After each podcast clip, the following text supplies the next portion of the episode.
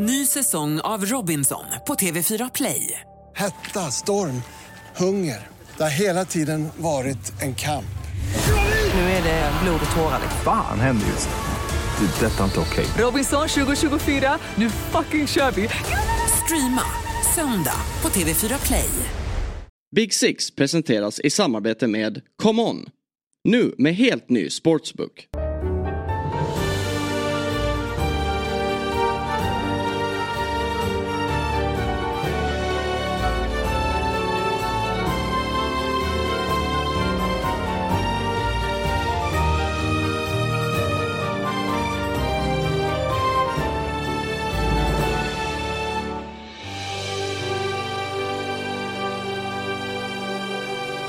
Det är måndag morgon igen och Big Six är tillbaka som vanligt efter en eh, fullsmetad helg. Eh, Hoffman är på semester så, så att jag, Karl Lethin, hoppar in i hans eh, frånvaro. Men Björn Jonsson är med mig som vanligt. Hur mår du denna måndagsmorgon?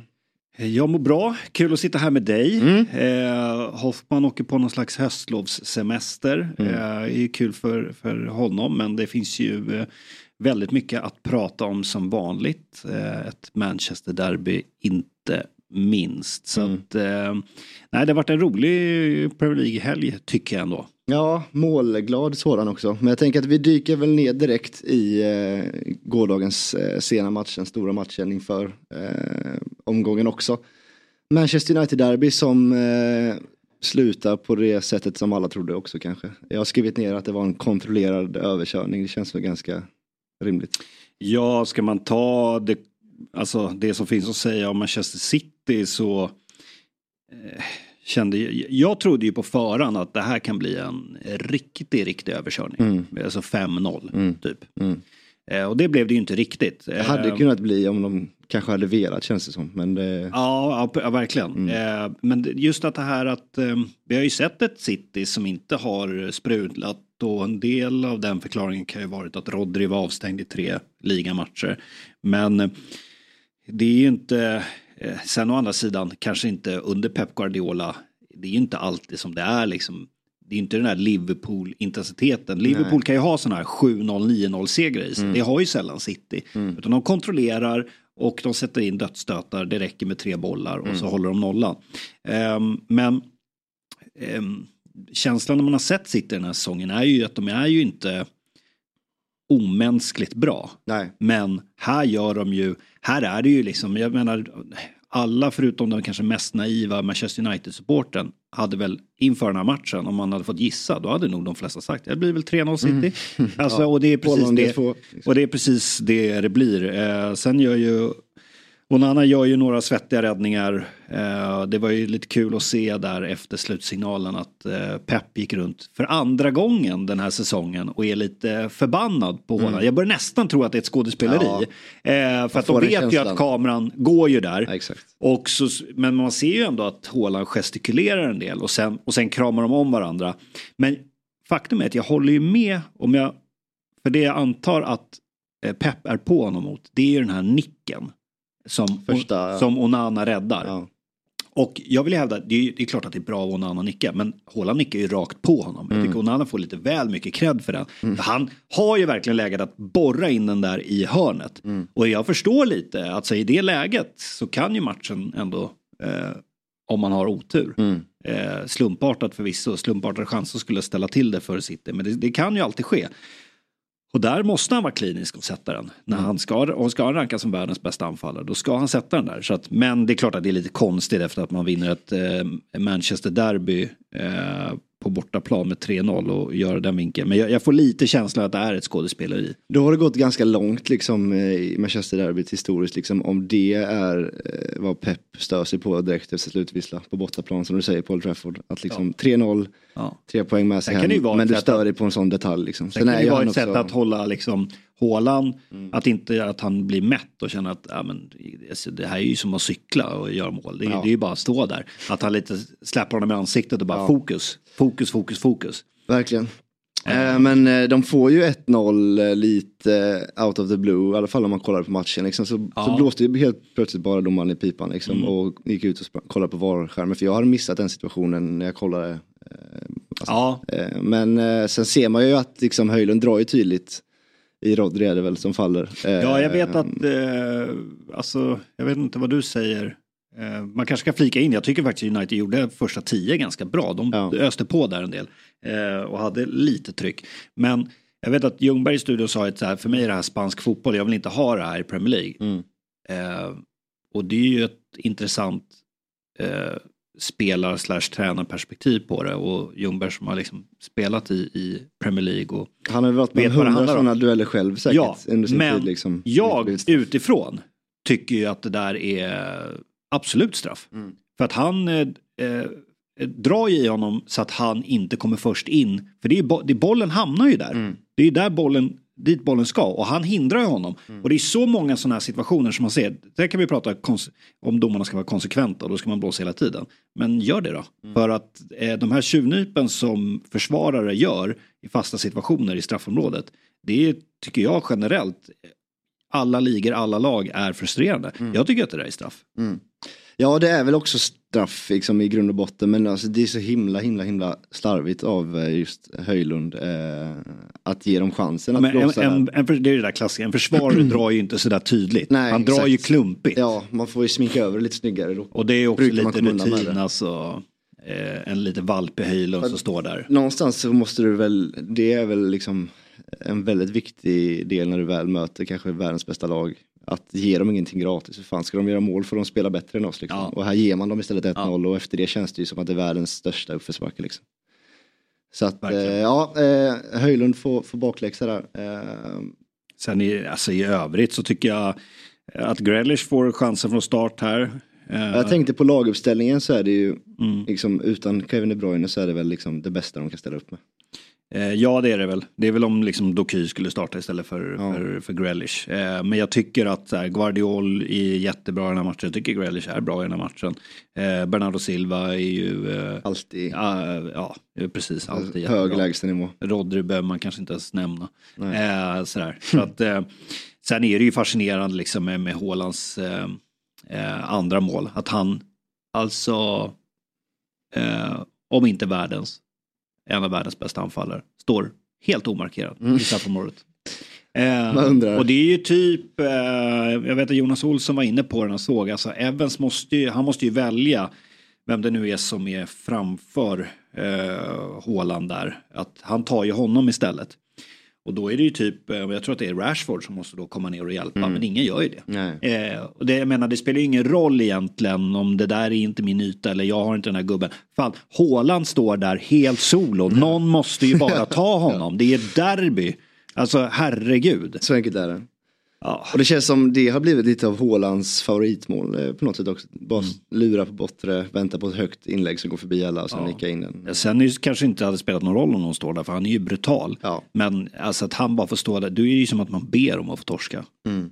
Men eh, jag tycker också liksom City hade kunnat få en till straff ju när Maguire istället håller i Haaland hur länge som helst och till slut Mm. drar ner honom och bollen kommer in där Haaland skulle varit om han hade varit Ja. släppt liksom.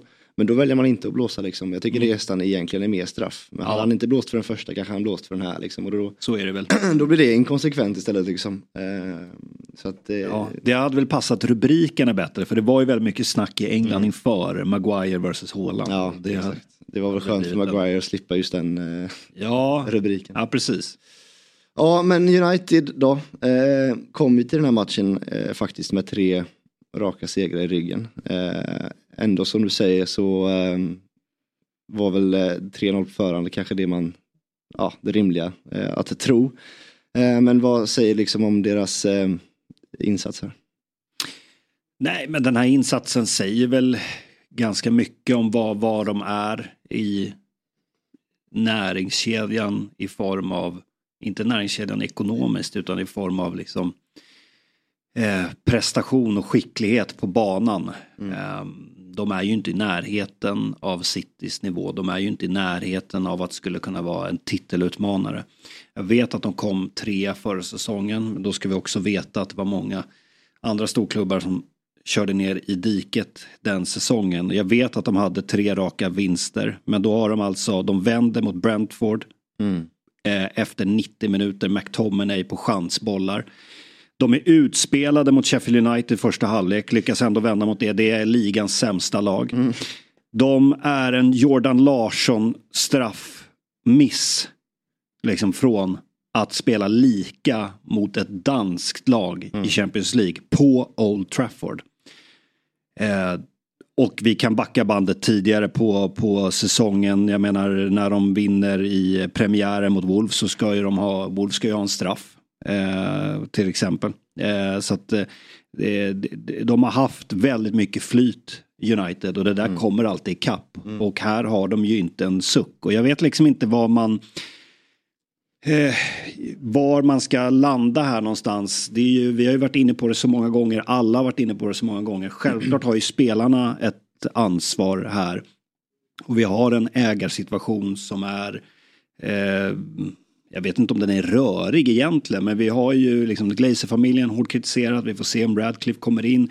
Eh, Qatar har försökt komma in eh, men det verkar inte bli så. Radcliffe kanske kommer in med 25 procent. Men oavsett det så har vi ju Erik Ten Hag som står där som har varit här i eh, 19 månader.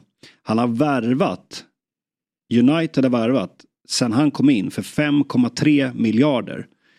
Eh, ingen av de spelarna har varit liksom nå- eh, några spelare som har nästan så här, tappat hakan för att de har varit så bra. Förra säsongen tog man in Anthony.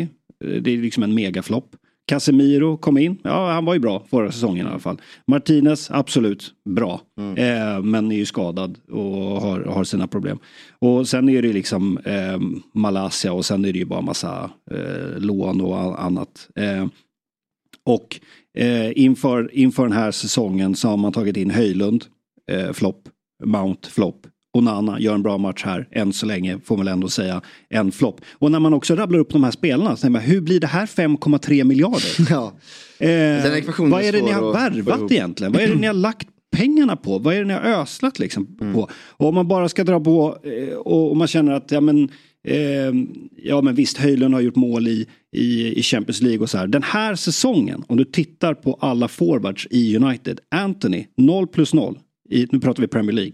Garnacho 0 plus 0. Höjlund 0 plus 0. Martial 0 plus 0. Rashford 1 plus 1. Sancho ja, 0 plus 0. Det är forwardsarna i Manchester United. Alltså Wolves har gjort fler mål. Ja. Haaland har eh, gjort ett mål mindre än vad United har gjort i Mm. Premier League den här säsongen. Liksom, hur mycket mer ska man prata om? Anthony har fler gula kort i Premier League sen han kom till United, jag räknar alltså förra säsongen också, än vad han gjort mål och assist. Mm. Han har alltså fler varningar. Han kostade en miljard.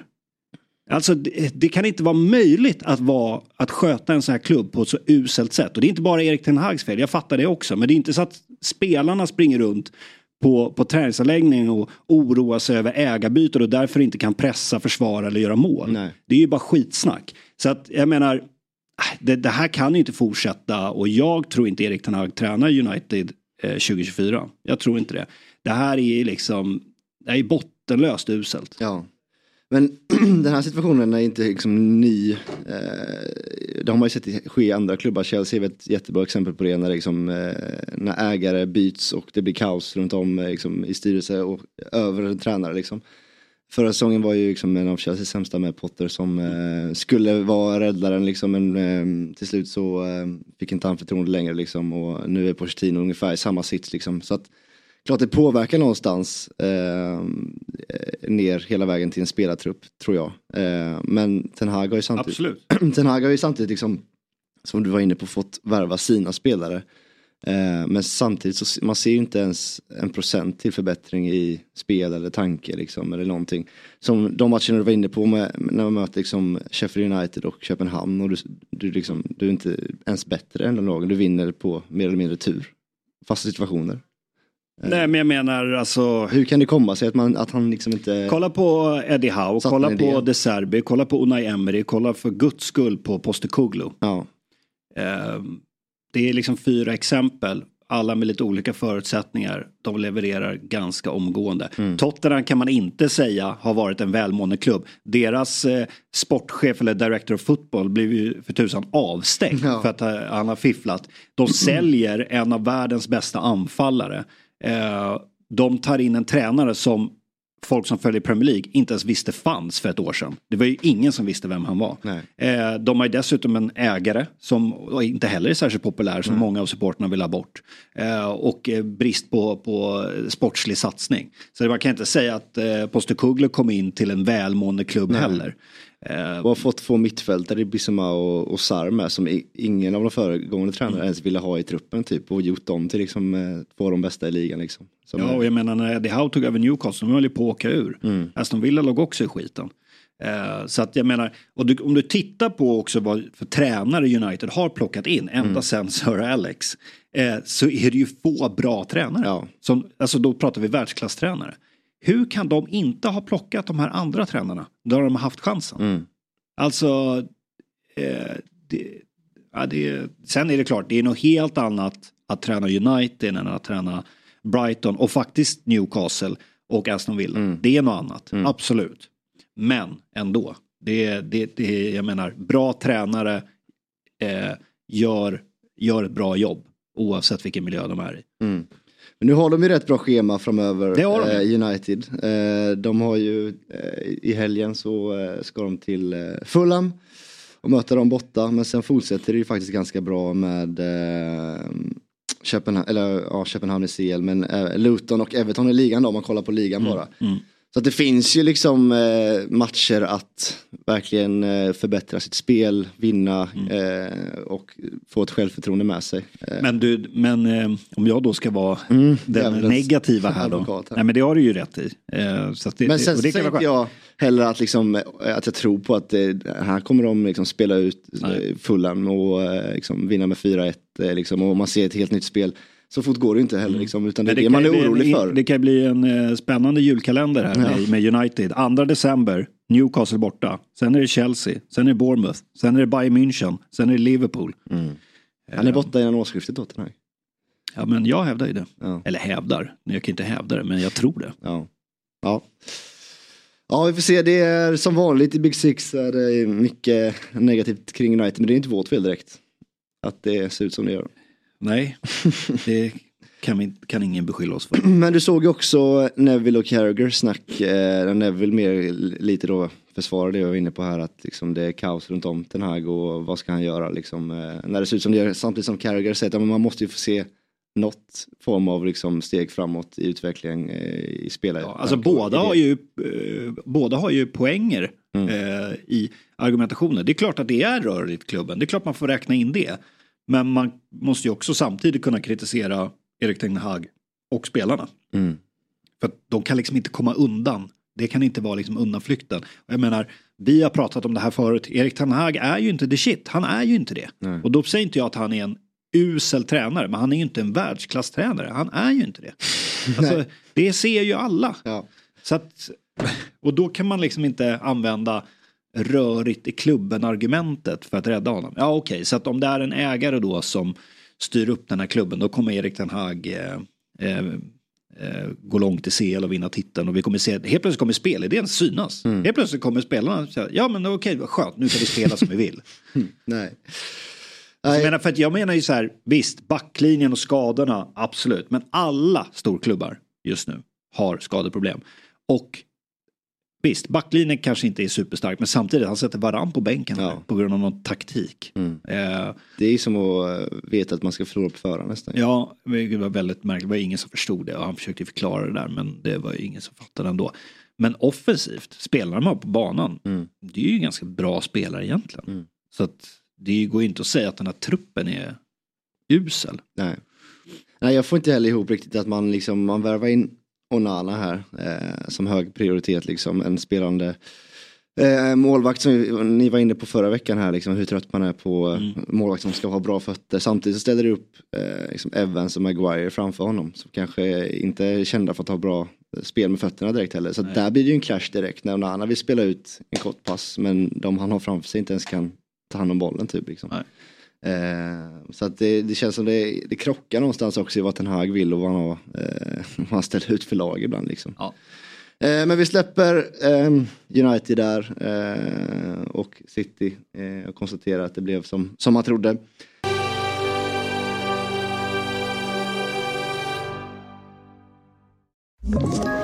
Ett poddtips tips från Podplay. I fallen jag aldrig glömmer djupdyker Hasse Aro i arbetet bakom några av Sveriges mest uppseendeväckande brottsutredningar. Går vi in med hemlig telefonavlyssning och, och då upplever vi att vi får en total förändring av hans beteende. Vad är det som händer nu? Vem är det som läcker? Och så säger han att jag är kriminell, jag har varit kriminell i hela mitt liv men att mörda ett barn, där går min gräns. Nya säsongen av Fallen jag aldrig glömmer på Podplay.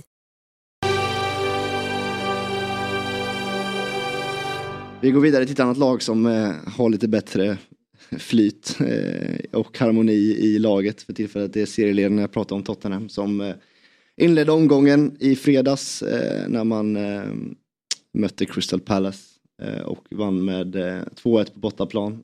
och jag fick känslan liksom att man man vinner lite som ett topplag här faktiskt. Mm. Alltså som ett mästarlag nästan. Att man åker dit, man har lite medstuds med sig, Madison Scott styrs in.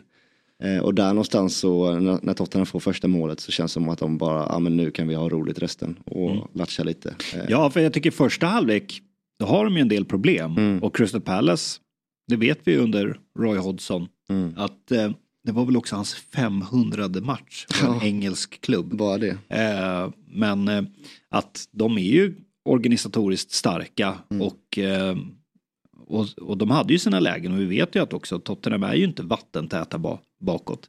Eh, så att de hade ju lite problem i, i första halvlek. Men som du säger, det är någon slags styrka där ändå att eh, inte tappa det och sen när man har Madison och Son som är de klassspelarna vi vet att de är, men också i den formen de är, mm. eh, så, eh, så löser de det. Mm. Och sen, eh, ja, sen kommer det här reduceringsmålet i 96 eller vad det är, som väl egentligen kanske ska också vara hans. Ja. Eh, men ja, eh, det är ju bara akademisk betydelse eh, än något annat. Men nej, men jag håller med, det är en stabil serie. Jag sa ju i början av säsongen att jag vill se dem lite mer mot topplag på riktigt. Nu är vi ändå över en fjärdedel in på säsongen mm. och de har inte förlorat än Nej. och de leder Premier League. Så att, eh, eh, och just det här med att de inte har Europa så är det ju eh,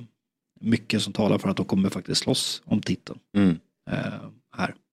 Tycker de, de möter också Crystal Palace i ett ganska perfekt läge någonstans när de har Esse, eh, Botta och Lycée har inte spelat än på säsongen, eh, inledde ju skadad här liksom.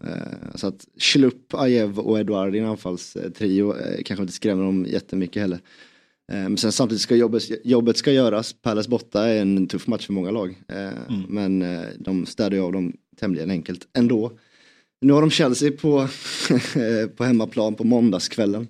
Ja. Jag vet inte om det är en stor match längre men uh, vi har ändå varit bra i stormöten. Den, är ändå, att, uh, den är ju, det ska ju bli väldigt kul att följa i och med att det är två liksom rebuild klubbar. Ja, mm. Så att en som har gjort lite bättre än den andra. Ja, jo, jo absolut. Men, uh, men det, det, det, ska bli väldigt kul se. Jag tror att det kan bli en väldigt bra match. Men mm. det, det, är klart, det, nu, nu väntar ju lite tuffare matcher för Spurs här. Eh, Chelsea och sen Wolves borta, det behöver inte vara helt enkelt. Eh, Aston Villa och eh, eh, Manchester City, sen är det West Ham och sen Newcastle. Så mm. att, eh, det är nu kanske lite provet kommer. Eh, ja, alltså provet har väl ändå, de har väl ändå svarat upp här nu. Eh, men eh, som sagt, det, det blir en intressant radda matcher här. Samtidigt kan man ju vända på det. Jag tror att motståndarna där också känner att det här kommer bli tufft alltså. Ja, absolut. De, de har ju spelat till sig en viss liksom, pondus och, och så ja. för, för, för motståndarlagen också. Men jag kommer ihåg när Leicester gick och vann ligan liksom, eh, under Ranieri och i slutet av den säsongen liksom, när, när folk började verkligen fatta att det kan hända, att de kan ja. gå och vinna. Då kommer jag ihåg att Ranieri sa på någon presskonferens att så här, väck oss inte från vår dröm. Liksom. Låt oss drömma, låt oss tro på det hela vägen in. Eh, och det känns som Tottenham lite är i samma dröm just nu och ja. spelar liksom bara mm. på automatik nästan. Eh, så vi får väl se eh, om de lyckas drömma hela vägen fram. Ja, sen är det så alla, alla lag får formsvackor under säsong. Vissa mm. får det kanske bara en gång och det handlar om att hålla dem eh, så korta som möjligt. Det som City är väldigt bra på. Som jag tycker Arsenal har blivit ganska bra på också. Ehm, och där får man ju se hur det blir. Och sen är det ju såklart som jag vet Jonas Olsson pratade om när han var här och sådär att ja, får de en en eh, skada på Madison eller på Son. Eh, det är klart att de blir, det blir ett annat Spurs då. Klart. Mm. Ja, de har ju hållit sig ganska Kanske inte lika mycket täckning som de andra storklubbarna har. Nej, jag sättet. tänkte på det med när man såg, eh, om man går tillbaka till Citys laguppställning för matchen, de har ju inte en skadare förutom De Bruyne liksom, som opererades efter Burnley-match. Liksom. Mm. De har ju hållit sig väldigt skadefria till skillnad mot många andra lag. Liksom. Ja. City eller? Ja. Ja, sen har de väl ändå haft eh, lite sådär på, eh, vad är det, Bernardo Silva som har eh, varit borta och ja, Rodri-avstängningen i tre matcher. Och, Det är en avstängning, eh, liksom. Och sådär. Ja, vi lämnar den, det London-derbyt och går till ett annat eh, som inledde lördagens eh, matcher då. Eh, när mitt Chelsea tog emot Brentford och eh, jag var orolig här i torsdags och sa att det- det är en tuffare match än vad man kanske tror på förhand och det visade sig också stämma. Eh, men känslan efter matchen när det är 2-0 eh, och man förlorar hemma mot Brentford. Fjärde raka eh, matchen utan vinst mot dem i ligan. Thomas Frank har vunnit fler matcher på Stamford Bridge 2023 än vad en Chelsea-tränare gjort. Liksom. Eh, och jag känner väl mest att liksom, man börjar bli van vid att se de här Chelsea-insatserna nu. Eh, att liksom, ja, man spelar ganska bra i första halvlek, man försöker, eh, man får inte in något mål. Det är en anfallare som alltid saknas som bara ska göra de här enkla målen. Liksom. Eh, runt om ser det ganska bra ut men liksom. Sen är Brentford också ett, ett mästarlag på sådana här typer av matcher också. Att stå lågt och silvassa kontringar eh, och straffar Chelsea stenhårt i, i bra lägen också. Och när de får 1-0 Brentford så är de hur nöjda som helst med matchen och bara kan stå ännu lägre.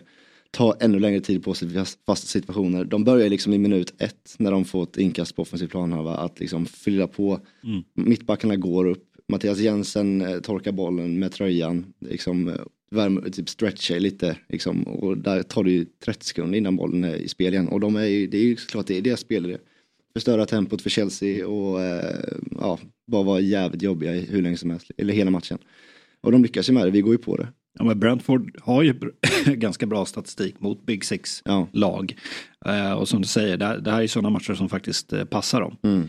Eh, och de har noll press på sig och, eh, eh, och sådär. Så att, eh, och jag menar, vi, jag vet att vi, vi, vi kanske nämnt det tidigare, men jag vet när, vi, när Premier League la upp den här inför förra omgången. Eh, XG-tabellen. XG-tabellen så var det ju bara Everton som hade större skillnad att i, om man skulle omvandla XG till faktiska poäng. Eh, och där var det ju bara Everton som var, hade större skillnad än vad Brentford hade. Eh, Brentford har ju bränt väldigt mycket lägen. Mm. Det är såklart man kan översätta det till att Tony har saknats. Men de har faktiskt inte varit så mycket sämre, eh, tycker jag, när jag sett dem, än förra säsongen när de slutade eh, 8-9 tror jag. Mm. Eh, och nu ligger de ju där ungefär, nu ligger de ju 10. Eh, men, men att eh, de har, de har bränt så oerhört mycket. Eh, så att det är ju samma Brentford eh, vi ser här. Och det är såklart väldigt, väldigt starkt att nolla Chelsea på Stamford Bridge. Och ta en, en trea där. Men eh, eh, så kan man ju, jag har ju sagt det tidigare att vi kommer ju se ett Chelsea som är upp och ner. Chelsea som gör väldigt bra matcher också i de här stormatcherna. Eh, som har väldigt hög högsta nivå. Men lägsta nivån är fortfarande för låg. Och jag hörde Pochettino säga att han tycker att de är på rätt väg. Det är också det tröttsammaste man vet att höra som Ja, supporter, liksom. absolut. Det sa ju Ten Hag också efter den matchen. Ja, men, ja exakt. Eh, och, och det jag menar, vi, vi har ju suttit och sågat eh, United här och det är klart att eh, visst att det är en ombyggnadsfas i Chelsea som kan vara något förlåtande. Men det kan inte se det kan inte fortsätta på det här sättet att det kommer så här många eh, bottennapp. Alltså nu har man nästan torskat hälften av matcherna i, i Premier League eh, så här långt. Och det är ändå inte okej. Nej. Och jag såg också det, nu, har, liksom, nu blir vi nollade eh, mot Brentford på hemmaplan. Vi, eh, vi mötte eh, Aston Villa hemma, noll, nollade. Eh, och innan det Bournemouth det gjorde vi inte heller mål mot liksom.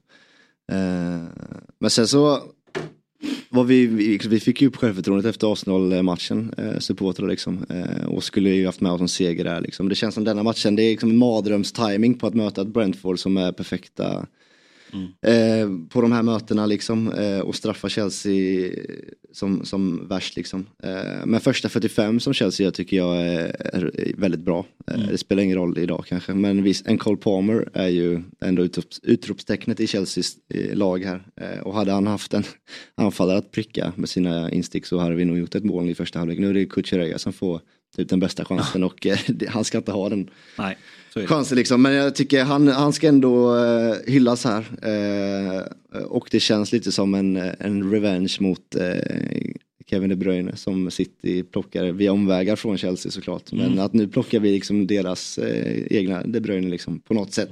Så jag hoppas att han kan, eh, att han kanske kan bara bli ännu bättre här så att vi kan få något att glädjas över. Men vi går vidare till ett annat Londonlag. Eh, Arsenal tog emot ligans absolut sämsta lag på hemmaplan och eh, gjorde vad de skulle, skulle och, i alla fall eh, Eddie Nketiah som är hattrick. Ja, precis. Eh, Gabriel Jesus som gjorde en, en bra insats i eh, Champions League. Eh, blev ju skadad. Eh, och eh, kunde inte komma till spel här. Eh, så då var det Enketia från start eh, istället. Lite förvånande också då att eh, Gabriel eh, sattes Mm. på, på bänken eh, här. Och eh, Istället var det Saliba och Kivior som fick chansen. Får vi se dem om han, för han började ju säsongen med att bänka Gabriel. Och menar på att det är liksom beroende på lite motstånd och hur man tar sig an det Mm. och sådär. Och eh, nu får ju Gabriel bänken. Samtidigt är det ju mycket matcher nu. De är i liksom en, Ja. eh, det är en intensiv matchperiod så de, men det är väl kanske Ja, fick också bänkas liksom. Ja, precis. Eh, Och Smith Rowe fick eh, och, och Havertz fick eh, chansen från start här. Ehm, Och det är väl ändå så här. Det är väl ändå rimligt. Om, om man vill rotera och vila spelare. Så tycker inte jag Ödegaard har varit så bländande. För nu har man ju väldigt höga förväntningar Ja. på, på Ödegaard. Jag tycker inte han har kommit riktigt upp i den här nivån. Så det är kanske också att skicka en signal eh, till honom. Eh, men kan ju också såklart vara en del i att det är klart att Ödegaard är en startspelare i Arsenal, jag säger inte något annat. Men det kan ju vara dels att vila honom. Ja, det kanske är också därför han inte har varit i toppslag, att han behöver vila. Eh, men har man Sheffield United hemma så har man ju råd att rotera, speciellt när det varit Champions League i, i veckan. Men, eh, och Eddie Nketiah är ju, jag vet, eh, Arteta har ju pratat om att han har liksom den fantastiska inställningen. Han får inte alltid starterna men han är alltid bäst på träning typ. Och eh, här svarar han ju upp på det. Visst att det är Sheffield United men han gör liksom ett eh, hattrick på en timme eh, här. Så att det eh, är ju såklart eh, ett eh, enormt styrkebesked. Ja, men det är också som du säger, visst det är Sheffield United men det är också, han ska göra målen och han, han gör dem. Och det är, tredje målet är ju otroligt snyggt när han vänder Ja, upp efter verkligen. pass från Speed Row och bara Verkligen. stänker upp den i, i första krysset. Verkligen. Men eh, i, eh, i eh, Sheffield då, vi har varit inne, eller du har varit inne på det mest kanske, men Paul Heckingbottom eh, kan Mm. ha gjort sin sista match nu va? Ja, kanske. Det är frågan om de har, liksom har råd och vad, vad de ska göra. Eh, de hade ju, eh, det, när de var uppe senast när de åkte ur, då hade de ju också en poäng efter nio omgångar. Och då eh, räddade de inte ut det. Nu är de ju en poäng på tio omgångar. Och det är ju, finns ju inte mycket som talar för att de ska kunna vända det här. Eh, nu är det redan nio poäng upp till säker mark och de har ju ganska dålig målskillnad också. Så att eh, jag vet inte vilka, alltså visst det är ändå 28 omgångar kvar. Så mycket kan ju hända och byter man tränare så visst att man kan få effekt. Men jag har svårt, det är också spelare som behöver komma in. Det här är ju Sheffield United som tappat många av sina bästa spelare inför, inför den här säsongen. Och de har en ägare som inte trycker in pengar alls. Så att tränarbyte kan ju ge viss effekt men spelartruppen är ju också för dålig. Jag har svår, vilka lag är det som då ska liksom rasa? De ska ju liksom gå om eh, Burnley och Luton. Ja visst, det, det skulle de ju kunna göra men då ska ju liksom Bournemouth, Nottingham, Everton Nå- något av de lagen ska också rasa och det är väl Bournemouth då som kanske är närmast. Men jag har svårt att se vad det är som ska kunna rädda de här. Eh, tränarbyte, ja, jag vet inte. Nej, ni har varit inne också på att liksom det, det finns risk för att det liksom blir det sämsta Premier League-laget eh, någonsin också. Efter, Ja, precis. Det var väl Bolton som var, D- Derby. Derby är det som är Ja. det sämsta någonsin. Ja. Eh, Och det, de går väl upp i en jämn fight. Eh, I alla fall så här poängprognosmässigt mot dem just nu. Ja, precis. Fortsätter de så här så har de väl fyra poäng då. Eh, när säsongen är slut. Så att, eh, ja, då blir de ju sämst. Come On är ju med och gör Big Six möjlig. Ja, så är det och vi är väldigt glada att ha med spelbolaget Come On som precis lanserat en ny sportsbook med riktigt grymma odds då. Eh, och vi kommer som du sa inte bjuda på några speltips idag. Eh, men vi vill däremot berätta att Come On just nu har en bonus på 100% upp till 500 kronor för nya kunder. Och det betyder att eh, de dubblar insatsen upp till max 500 kronor. Det vill säga eh, sätter du in 500 kronor via comeon.com så får du 1000 kronor att spela för. Mm, kanon erbjudande och eh, kom ihåg att du måste vara 18 år för att få spela. Regler och villkor på command.com gäller. Och har du problem med ditt spel så finns stödlinjen.se till hands. Ja, vi säger tack till Common som är med och sponsrar Big Six. Poddtips från Podplay. I podden Något Kaiko garanterar östgötarna Brutti och jag, Davva, dig en stor dos skratt. Där följer jag pladask för köttätandet igen. Man är lite som en jävla vampyr. Man har fått lite blodsmak och då måste man ha mer. Udda spaningar, fängslande anekdoter och en och annan arg rant. Jag måste ha mitt kaffe på morgonen för annars är jag ingen trevlig människa. Då är du ingen trevlig människa, punkt. Något Kaiko, hör du på Podplay. Därför är gardinerna. Liverpool eh, tog emot Nottingham Forest eh, och eh, ett utropstecken i Forest var väl eh, Anthony Elanga. Annars så tycker jag den här matchen tillhör främst Dominic eh, Soboslaj som nog måste nästan vara den bästa värvningen till Premier League den här säsongen. Tycker att han har Ah, är inte Madison en bättre värvning då? Ja, kanske. Men jag tror, om man tänker på eh, liksom, vad man trodde inför. Eh, så var det ju inte många som först och främst hade koll på Szoboszlaj. Eh, tror jag inte. Eh, och sen tycker jag att det sett ut som han spelat i Liverpool i nästan hela sitt liv. På sättet han, hans självförtroende och... Detsamma kan man säga om Madison. ja, kanske. Det är väl de två i alla fall. Eh, men den här matchen så är ju Szoboszlaj bäst på plan och har ju två assister och även chans på något mål där liksom. Men det är också en så här, känns som en klassisk eh, Liverpool-seger. Eh, Ja. På något sätt. Ja, alltså det är klart, Nottingham hemma. Eh, det var nästan att man trodde att det kunde sluta med större siffror eh, än, än, än det här. Men, men jag håller ju med dig, alltså Soboslaj, jättefint nyförvärv. Tycker det här mittfältet med Soboslaj, McAllister och Gravenberch, eh, alla tre är ju, är ju riktigt, riktigt bra. Eh, faktiskt. Och sen går det ju inte att komma ifrån heller att Sala är ju, visst det är ju bara Nottingham på hemmaplan men Sala är ju fortsatt eh, makalöst bra. Han ligger ju bakom alla målen Mm. också. Han har väl hockeyassist. Ja, det är en väldigt fin, heter, eh, någon- På båda eh, målen och sen får han ju det här eh, sköna 3-0 målet när Turner ska gå ut och, och tro, att, tro att han är någon slags mittfältare Ja. där. Han försöker ju nästan slå bollen med händerna eh, när han är på mittplan.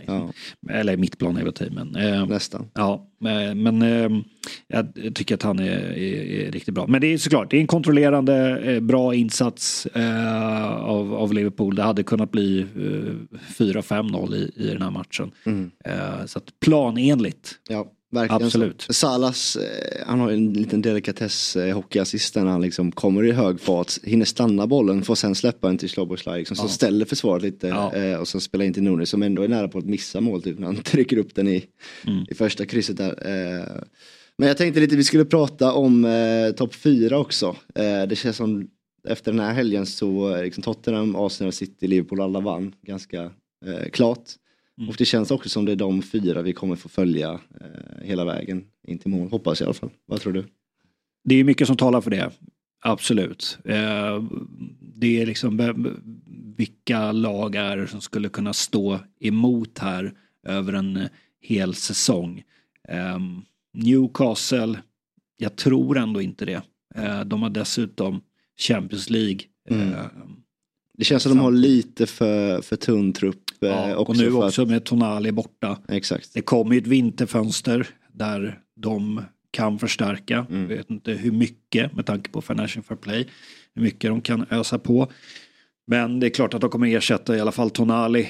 Ehm, De har ju det här problemet med, vilket är ju väldigt, väldigt tråkigt ur ett svenskt perspektiv med Alexander Isak, de här muskelskadorna. Mm. Visst, eh, de har Callum Wilson där, men någonting måste ju göras. Vi minns ju till exempel Haaland i Dortmund hade väldigt mycket muskelskador. Sen kommer han till City som väl har väl säkert de bästa eh, naprapaterna och, och läkarteamet i världen som fått ordning på honom. Och det är någon typ av sån hjälp som Isak också behöver. Men jag, det, nej, jag tror inte det. Jag tror inte att Aston Villa kommer ta eh, utmana på riktigt om en Champions League-plats. De kommer vara där eh, runt liksom fem till eh, sjunde platsen. Eh, eller åttonde platsen kanske till och med. Eh, och sen är det väl Brighton då. Eh, det är väl egentligen de jag i det långa loppet, även om de är inne i lite formsvacka här nu, så det är väl ändå Brighton som jag ser som den största utmanaren faktiskt. Ja, de har inte... De har, Tillsammans med Newcastle. Ja, tappat fart på senaste tiden och har gått eh, tungt både i Europa och i ligan. Nu vann de ju mot Ajax här, men Ajax är ju också Europas sämsta lag för tillfället. bland, bland gamla storklubbar i alla fall, så det skulle man väl lösa. Men sen har vi ju Chelsea och eh, United som tillhör Big Six eh, ursprungligen, men eh, man börjar ju snart eh, tro att de inte gör det längre. Nej, det, precis. det är två klubbar Inte som- tabellmässigt i alla fall. Nej, som mår eh, desto sämre. Ja, Eh, nej men jag håller med dig. Jag tycker att även om det poängmässigt inte är långt borta från de andra lagen så tycker jag att det är en tydlig topp fyra här. Mm. Med Tottenham, Arsenal, City och Liverpool. Vilket lag slutar eh, högst av United och Chelsea? Tror Oh, det är en bra fråga. Eh, det skiljer tre poäng nu va? Eh, Ja, två till och med va? Nej, tre poäng. Tre poäng. Ehm, fortsätter det så här, alltså att lagen och tränarna är de samma resten Mm. av säsongen. Så tror jag att eh, Chelsea kommer före. Mm. Det finns ju ett kommande El Sakiko. 6 december i Ja. United-Chelsea. Eh, och som du var inne på innan, det är ju under en tuff period eh, både för Chelsea och eh, United med spelschemat Alltså är. Uniteds trupp är bättre, Chelsea har bättre tränare. Mm. Eh, det jag tänkte fråga också under Chelsea-delen som jag glömde bort är eh, behovet av att värva en anfallare i januari. Eh, Hur viktigt tror du det är? Nej men det är absolut, det, det tror jag är viktigt. Mm. Sen ska man ju veta, precis som United, Chelsea har ju väldigt mycket skador. Och sen kan man ju så här vissa då sucka och säga, jo men de har ju värvat hundra spelare de senaste fönstren. Så att, men, men de har Många ju är ändå, inte ens med i matchtruppen fortfarande. Ju. nej, nej, men de har ju väldigt mycket skador. Eh, och inte bara liksom en koko utan eh, viktiga balansspelare och sådär. Eh, och förs försvarare. Men ehm, alltså ehm, jag tror att ehm, absolut att eh, Chelsea kommer nog titta på att ta in någon forward. Kanske. Ja, och frågan är ju vem då? Alltså det pratas ju alltid om Osimhen som eh, verkar inte trivas superbra i Napoli men där kommer det kosta en miljard till. Ja. Eh, annars är det väl Ivan Tony i Brentford som Mm. bara sitter och väntar på att få spela fotboll och eh, där sägs ligga en prislapp på 65 miljoner pund. Eh, det är väl de man kan komma på. Sen har man ju han Guirassi i Stuttgart som öser in mål men liksom, det känns som en lite av en så här eh, att han flyger nu under Men du, våren. vet du var- varför Chelsea inte behöver honom? Eller behöver behöver de, men varför de inte ska ta honom? För att- är oerhört skadebenägen. Ja exakt, det är det Och nu är han skadad. behöver. Han är ju skadad nu. Ja. För jag vet, jag kollade när han gjorde de här tio målen första fyra, fem omgångarna bara. Ja. Så började jag kolla på varför, för han är ju inte så ung. Nej. Varför ser man det här nu? Så kollade jag eh, hans skadehistorik. Mm. Hela hans karriär har varit alltså, extremt skadebenägen. Ja, då ska vi helst Så att- eh, undvika honom. Där vet man ju, det blir liksom en koko frisk, Gurasi Varvasin skadad. Ja, det ser de man. växeldrar där på rehaben. Exakt. Pochettino lämnar i alla fall lite pos- eh, positiva nyheter kring Nkunku och sa att han är väldigt nära. Eh, men det betyder också typ att han kanske är tillbaka. Ja exakt, att han är tillbaks efter nästa landslagsuppehåll i eh, början på november. Så då får vi se om vi börjar ta lite... eh, Ja, då ska han komma igång också. Exakt, Mm. och inte släppas in för tidigt och dra på sig en ny skada. Så att, eh, det är väl långt kvar innan han är i stor form igen men eh, vi behöver honom kan man säga. Verkligen. Om vi ska klättra uppåt i tabellen och inte göra en eh, säsong som vi gjorde mm, förra säsongen. Det är även eh, Carabao Cup i veckan eh, med, med United, Newcastle och West Ham Arsenal som de två eh, kanske med hetaste matcherna. Mm.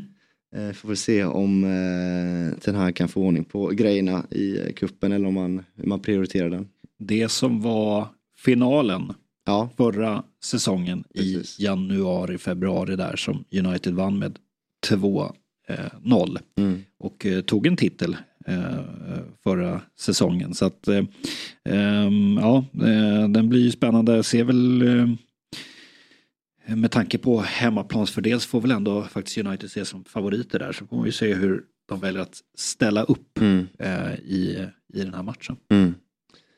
Kanske att någon offensiv anfallare kan, eh, eller offensiv spelare kan bättra på sitt målsnitt lite också eh, i en sån match. Eh, eh, så, så är det ju. Alltså man kan ju tänka sig att eh, Newcastle faktiskt är de som kanske eh, de roterar mer. en, för eh, de möter ju ändå Arsenal i ligan till helgen och sen Mm. har de en viktig bortamatch Mm. eh, nästa vecka i, i Dortmund. Mm. Så att eh, Det kan roteras en del där då. det skulle kunna vara att det är Newcastle som kanske roterar lite mer. Och United behöver ju studsa tillbaka här och de har ju också bara då Fulham eh, i, eh, i, till helgen. Ja.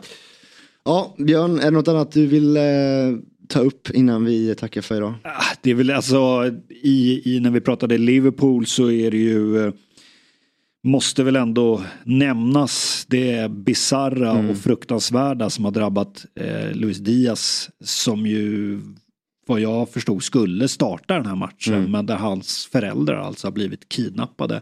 Och enligt rapporterna så ska ju då mamman vara fri men pappan eh, fortfarande Mm. eh, kidnappad och eh, Ja, bisarrt och fruktansvärt. Eh, och för Louis Diaz dels hoppas man ju såklart att allting löser sig eh, så bra som det bara eh, går. Men att, eh, och det var ju fint när Diego Jota då gjorde målet att han, det var ju någonstans hans plats han eh, fick i, i startelvan, att han hällde upp eh, Luis Diaz tröja när han gjorde mål.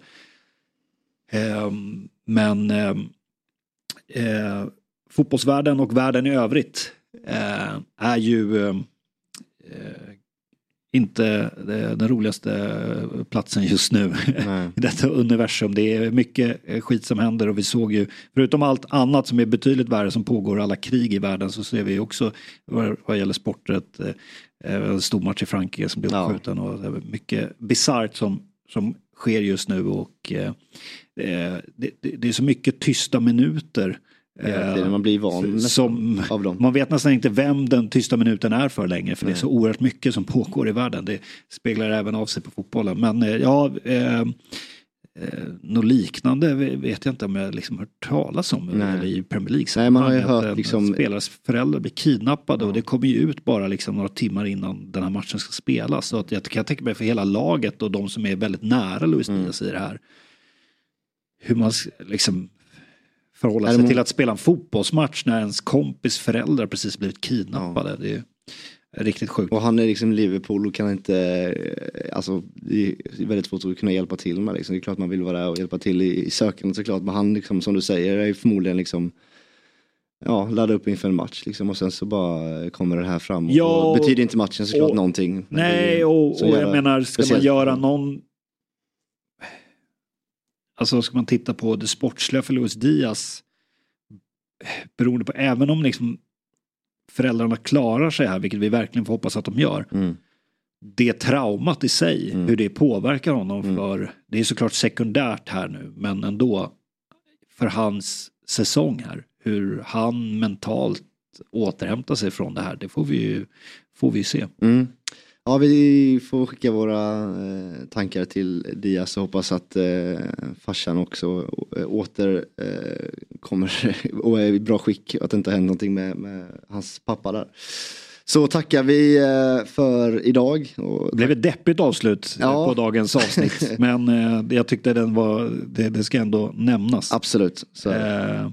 Det är väl, just det, det var ju, jag vet att Ro- Romano twittrade i, igår att eh, den colombianska polisen ska ha sagt att de är, är villiga att betala. Mm, Eh, oklart då eh, om det är då Dias familj som är villiga att betala eller vilka är det som ska punga upp de här 200 miljoner pesos. mm, Eh, för eh, och att, jag menar, att det är polisen ska, ska vilja betala det för de som kan ge eh, någon typ av info som gör att de hittar pappan då. Mm. Och det är inte då till kidnapparna som ska ge pengarna. Men det är väl, ja vi får se. ja, vi får Vad som händer. upp det så kanske vi kan eh, berätta, berätta mer eller ta upp det mer på, på torsdag när vi spelar in igen. Eh, Men vi säger så för nu och så får vi hoppas att det inte förstör eh, måndagshumöret för mycket för lyssnarna där ute. Men tack Björn. Eh, Tack så mycket. Och tack för att ni har lyssnat. Vi hörs på torsdag igen. Hej då.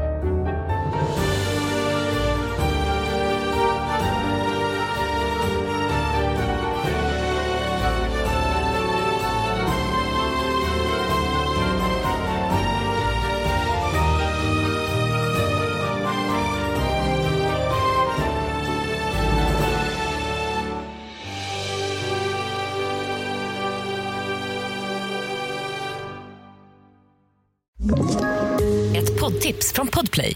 I podden Något Kaiko garanterar östgötarna Brutti och jag, Davva, dig en stor dos skratt. Där följer jag pladask för köttätandet igen. Man är lite som en jävla vampyr. Man har fått lite blodsmak och då måste man ha mer.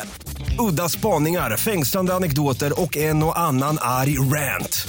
Jag måste ha mitt kaffe på morgonen för annars är jag ingen trevlig människa. Då är du ingen trevlig människa, punkt. Något Kaiko, hör du på Podplay. Därför arkadeinerna.